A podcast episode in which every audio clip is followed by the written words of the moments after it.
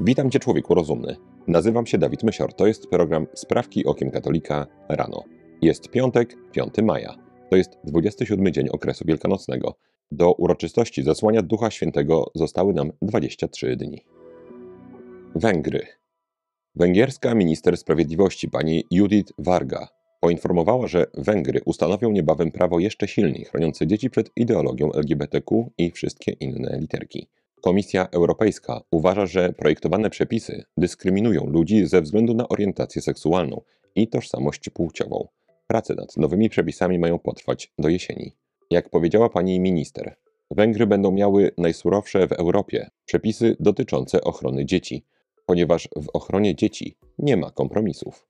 Jak podkreśliła, węgierski rząd jest świadomy, że przepisy będą sprzeczne z regulacjami Unii Europejskiej. Jednak w rzeczywistości to unijne wymogi godzą w wartości Konstytucji Węgier.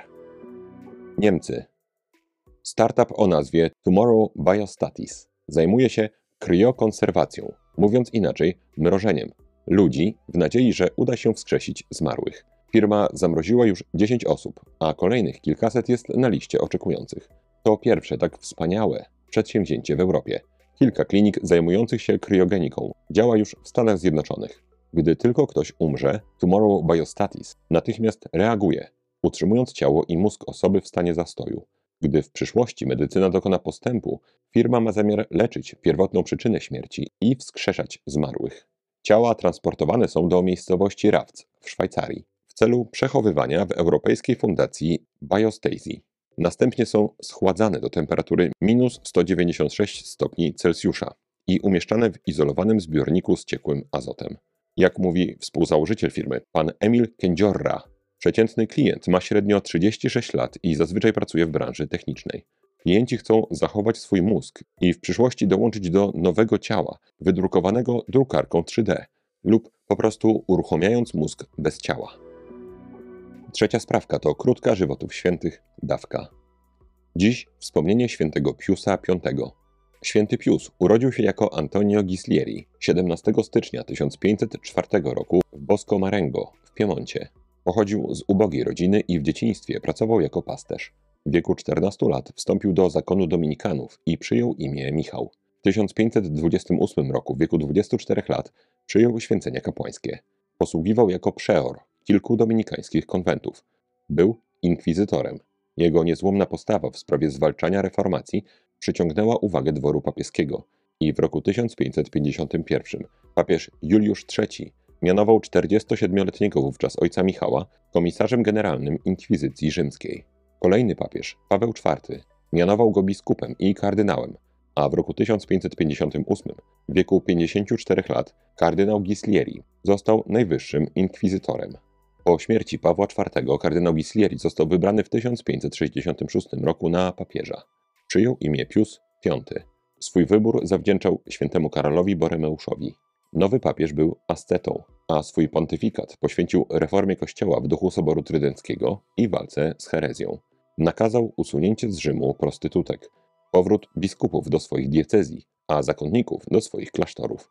Osobiście przyjmował ubogich, a skargi na urzędników rzymskich rozstrzygał na korzyść poszkodowanych. Zmarł w opinii świętości 1 maja 1572 roku w wieku 68 lat. Został beatyfikowany w stulecie swojej śmierci przez papieża Klemensa X i kanonizowany 40 lat później w roku 1712 przez Klemensa XI.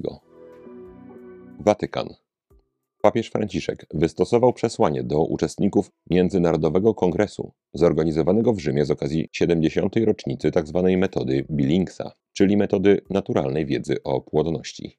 Papież stwierdził, że przezwyciężanie mentalności antykoncepcyjnej, oddzielającej seksualność od daru z siebie i przyjęcia życia, wymaga wielkiej pracy edukacyjnej i wychowawczej. Papież powiedział: w szczególności trzeba zawsze pamiętać o nierozerwalnym związku między jednoczącym a prokreacyjnym znaczeniem aktu małżeńskiego. W następstwie tzw. Tak rewolucji seksualnej i przełamania tabu potrzebujemy nowej rewolucji w naszym sposobie myślenia. Musimy odkryć piękno ludzkiej seksualności, zwracając się ponownie do wielkiej księgi natury, ucząc się szacunku dla wartości ciała i rodzenia życia, mając na uwadze autentyczne doświadczenia miłości małżeńskiej. Dziękujemy Ojcu Świętemu za te proste, a jakże ważne słowa. Holandia. 28 kwietnia sąd w Hadze zakazał oddawania nasienia ginekologowi Jonathanowi M., który jest ojcem przeszło 500 dzieci na całym świecie. 41-letni dawca nasienia został pozwany przez DonorKind, organizację zrzeszającą dzieci dawców. Fundacja domagała się, aby sąd zakazał mężczyźnie dalszego oddawania nasienia. Pan Ties van der Meer z fundacji wskazywał na ryzyko, że spokrewnione ze sobą osoby będą wchodziły w związki, nawet o tym nie wiedząc. W Holandii funkcjonują wytyczne dla klinik in vitro, z których wynika, że od jednego dawcy nasienia można spłodzić maksymalnie 25 dzieci. Tymczasem nasz dzielny 41-latek tylko w roku 2017 został ojcem ponad 100 dzieci. Sąd w Hadze przychylił się do wniosku organizacji i zakazał mężczyźnie oddawania nasienia. Jeżeli 41-latek nie zastosuje się do decyzji sądu, będzie musiał zapłacić 100 tysięcy euro kary za każdym razem, kiedy przekaże nasienie i 10 tysięcy euro kary za każde opublikowane ogłoszenie na forach dawców nasienia. Hiszpania. Estramadura to region w południowo-zachodniej części Hiszpanii. To stąd pochodzili znani konkwistadorzy Hernán Cortés i Francisco Pizarro. Patronką regionu jest Matka Boża z Guadalupe. Jednak lokalny lewicowy rząd ma swoje własne wizje i wpadł na wybitny wręcz pomysł przekształcenia regionu w centrum buddyzmu. W mieście Caceres ma stanąć 47-metrowy posąg Buddy. Projekt został stworzony z myślą o Madrycie, gdy rządziła nim lewica. Obecny centroprawicowy rząd madrycki sprzeciwił się jednak jego realizacji. Z kolei Uniwersytet Estramadury, będący uczelnią publiczną, ma uruchomić kierunek studiów nad buddyzmem. Jednocześnie hiszpańscy lewicowi towarzysze chcą usunąć krzyż poległych, stojący obecnie w jednym z najważniejszych węzłów komunikacyjnych miasta. Krzyż upamiętnia poległych podczas antykomunistycznej krucjaty w latach 1936-1939.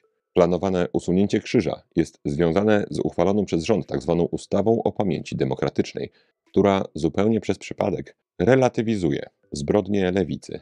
Czy wiesz, mój drogi słuchaczu, że praktycznie wszyscy wychowywani byliśmy w kościele, który kilkadziesiąt lat temu na Soborze Watykańskim II wprowadził pojęcie wolności religijnej? To był główny postulat masonerii dla Soboru wolność religijna. Po pierwsze, ta koncepcja nie jest katolicka, i nie, nie powiedziałem właśnie, że należy zabijać biednych buddystów. Natomiast podpisanie się przez Kościół pod tak zwaną wolnością religijną jest aktem kapitulacji. Po drugie zaś widać, że światowa lewica, choć forsowała wolność religijną, przyznaje ją wszystkim religiom, które akurat przez przypadek nie są religią katolicką, co widać na przykładzie regionu Estramadura, który postawi tam wielki posąg Buddy i w tym samym czasie usunie krzyż. Polska. Jak poinformował minister zdrowia pan Adam Niedzielski, w obliczu wielomiesięcznej nadpodaży cudownego eliksiru, Polska postanowiła renegocjować umowy zawarte na wcześniejszym etapie tzw. Tak pandemii z firmą Pfizer. Jak zauważa minister Niedzielski, sytuacja epidemiczna ustabilizowała się, a mimo to Pfizer nadal planuje dostarczać do Europy setki milionów szczepionek. Jest to według pana Niedzielskiego całkowicie bezcelowe, z punktu widzenia zdrowia publicznego, ponieważ większość dawek cudownego eliksiru ulegnie zniszczeniu, ponieważ substancja ma ograniczony okres przydatności do użycia i ograniczony popyt. W grę nie wchodzi nawet odstąpienie nadmiarowych preparatów bardziej potrzebującym krajom, gdyż obecnie nie ma na świecie rządów zainteresowanych przyjmowaniem darowizn szczepionek na COVID-19, nawet za darmo. Jak twierdzi minister Niedzielski, zamiast wykazać się solidarnością, Spółka nadal chce zarabiać. Z przykrością stwierdzam, że przedsiębiorstwo, które wszyscy przez długi czas uważaliśmy za część rozwiązania, teraz samo staje się częścią problemu. Od siebie dodam, że nigdy pewnie nie zrozumiem, czy ludzie tacy jak pan Niedzielski naprawdę od początku nie wiedzieli, co jest grane? Mam przynajmniej nadzieję, że sposób, jaki teraz to załatwia pan Niedzielski, czyli list otwarty do Pfizera, to tylko gra pod publikę, żeby na Pfizerze wywrzeć presję. Natomiast jeżeli on naprawdę wierzy w jakąś solidarność z Big Pharmą czy ze Światową Organizacją Zdrowia, to naszym ministrem zdrowia jest człowiek, przepraszam, niemądry. Ponownie Polska. Gazeta Wyborcza informuje w nagłówku. Warszawska parafia przeciw ustawie w obronie chrześcijan może posłużyć do prześladowania obywateli. Słowa parafia, autor artykułu, który z jakiegoś powodu uznał, że warto jest pracować dla Gazety Wyborczej. Użył rzecz jasna w odniesieniu nie do parafii katolickiej.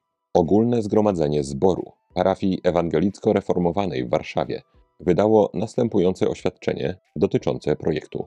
Jako wspólnota chrześcijan, warszawskich ewangelików reformowanych, zabieramy w tej niezwykle ważnej sprawie głos obywatelski i mówimy stanowcze nie dla dzielenia świata na lepszych i gorszych, wierzących i niewierzących, tych, którzy wiedzą, jak kochać Boga i tych, którzy rzekomo błądzą i trzeba ich ukarać. W Biblii w wielu miejscach jest powiedziane, że Boga ktoś obraził, lecz nigdzie Biblia nie mówi o przypadku, by Boga obrazili niewierzący czy poganie. Kolegom ewangelikom można by zadać pytanie, gdzie Biblia mówi o kapłaństwie kobiet, a przecież dzielni ewangelicy reformowani ordynują kobiety na pastorki. Można by też ich zapytać, jak uważają, że twórca ich doktryny, pan Jan Kalwin, podszedłby do ich dzisiejszych słów o niedzieleniu na lepszych i gorszych. Wiemy chyba wszyscy, a szczególnie ewangelicy reformowani, że pan Jan Kalwin swoich przeciwników skazywał na stos.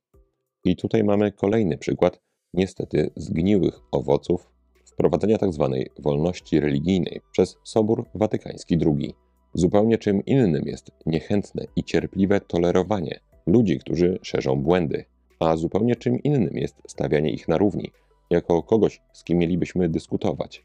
Jeżeli w Polsce chcą funkcjonować ewangelicy reformowani, my jako katolicy mamy ich cierpliwie i niechętnie znosić. Natomiast słuchać, co mają mądrego do powiedzenia o polskich ustawach, i to na łamach Gazety Wyborczej, nie musimy.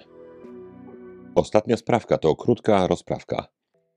Dziś, mój drogi słuchaczu, powiem coś, co może wywołać w tobie dużą niewygodę. Chodzi o małżeństwo. Czy wiesz, że to, co myślimy o małżeństwie, niemal wszyscy, ma swoje źródło w bardzo świeżej, mimo wszystko, zmianie? Ponieważ w historii Kościoła kilkadziesiąt lat to jest króciutko. Na Soborze Watykańskim II do głosu, i to bardzo głośnego głosu, doszli moderniści. W Kościele rozpoczęły się zmiany. Niedługo potem, w roku 1983, w kodeksie prawa kanonicznego pojawił się nowy zapis dotyczący małżeństwa. Teraz zaznaczę, że mówienie tego nie przychodzi mi łatwo, ponieważ wszyscy, łącznie ze mną, moją żoną, moimi znajomymi i pewnie wszystkimi Polakami, wychowywani byliśmy po pierwsze przez to nowe nauczanie Kościoła, a po drugie przez sto albo tysiąc komedii romantycznych, które obejrzeliśmy, filmów miłosnych, dzieł zawsze przesiąkniętych protestantyzmem. Bardzo Cię więc proszę, mój drogi słuchaczu, nie reaguj emocjonalnie na to, co teraz powiem, tylko daj sobie trochę czasu na wchłonięcie tej treści. Czy wiesz, że przed trwającym obecnie w Kościele kilkudziesięcioletnim okresem antropocentryzmu, pełnego skupienia się na człowieku, jego potrzebach, uczuciach, katolicka koncepcja małżeństwa była czymś innym niż jest dzisiaj? W średniowieczu cele małżeństwa określił święty Augustyn, stwierdzając, że są to dobra, dla których małżeństwo jest dobre: potomstwo, wierność małżeńska, sakrament. Następnie papież Pius XI nauczał, że pierwsze miejsce pomiędzy dobrami małżeństwa zajmuje potomstwo. Z kolei kodeks prawa kanonicznego z 1917 roku dobitnie wyraził i ustawił w pewnej hierarchii cele małżeństwa, stwierdzając, że Celem głównym małżeństwa jest rodzenie i wychowanie potomstwa. Drugim celem jest wzajemna pomoc. Dopiero w 1983 roku, czyli 40 lat temu, pojawił się zapis, wydawałoby się sprzeczny z dotychczasowym nauczaniem Kościoła, o ukierunkowaniu małżeństwa ku dobru małżonków. 40 lat temu nastąpiło definitywne przełamanie w ustawodawstwie kościelnym tradycyjnej doktryny o celach małżeństwa. Z tego, co stało się w 1983 roku, wypłynęło naprawdę bardzo, bardzo wiele dramatów ludzkich. Jeżeli ktoś wchodzi w małżeństwo, będąc przekonany, że ta druga strona będzie teraz cała nakierowana na mnie, będzie dawała mi słońce, uwagę i przez to będzie ciepło w moim życiu. Jeżeli to jest pierwszy cel małżeństwa, to jaka może być bardziej bezpośrednia przyczyna rozpadów małżeństw? Druga strona okazała się inna niż ja bym chciał. Jeżeli natomiast na pierwszym miejscu jest stworzenie rodziny i zrodzenie potomstwa, i że małżeństwo jest absolutnie nierozerwalne, wtedy źródłem dumy, radości, słońca jest dom i rodzina, które wspólnie stworzyliśmy, a nie to, jak ja się czuję w relacji z tą osobą, bo to jest i zawsze będzie bardzo zmienne. I naprawdę, mój drogi słuchaczu, nie powiedziałem właśnie, że mężczyzna ma nie kupować kwiatów i nie starać się wysłuchiwać swojej żony, a że kobieta nie ma próbować rozumieć to prostsze stworzenie niż ona sama, czyli mężczyznę, i dodawać mu sił do spełniania jego obowiązków. Oczywiście trzeba to robić dla wspólnego celu, jakim jest dobry dom i potomstwo. Przemyśl to proszę, mój drogi słuchaczu. Czy byłbyś skłonny połączyć jakoś te kropki? Sobór Watykański II. Do głosu dochodzą moderniści, słuchają protestantów i masonów, wprowadzają zmiany. W wyniku tego 40 lat temu prawie kanonicznym odmienia się cele małżeństwa. W wyniku tego mamy dopiero kilka pokoleń ludzi, którzy uważają, że mąż albo żona dadzą mi szczęście. W wyniku czego mamy niezliczone dramaty ludzkie, gdy to nie następuje. Mam nadzieję, że nie straciłem jeszcze Twojej uwagi. To na dzisiaj wszystkie sprawki okiem katolika rano. Jeżeli chcesz mi pomóc, daj proszę łapkę w górę pod tym filmem na YouTubie i napisz komentarz. Jeżeli chcesz wspomóc tę pracę drobną darowizną, to szczegóły, jak można to zrobić, znajdują się w opisie tego odcinka. Zapraszam Was na program Sprawki Okiem Katolika, który w tym tygodniu nie będzie w piątek wieczorem, ale w niedzielę o 16. Bardzo Wam dziękuję za uwagę. Święty Piusie V, módl się za nami. Człowieku rozumny. Trzymaj się, nie łam się i bardzo Ci dziękuję za Twój czas. Z Panem Bogiem.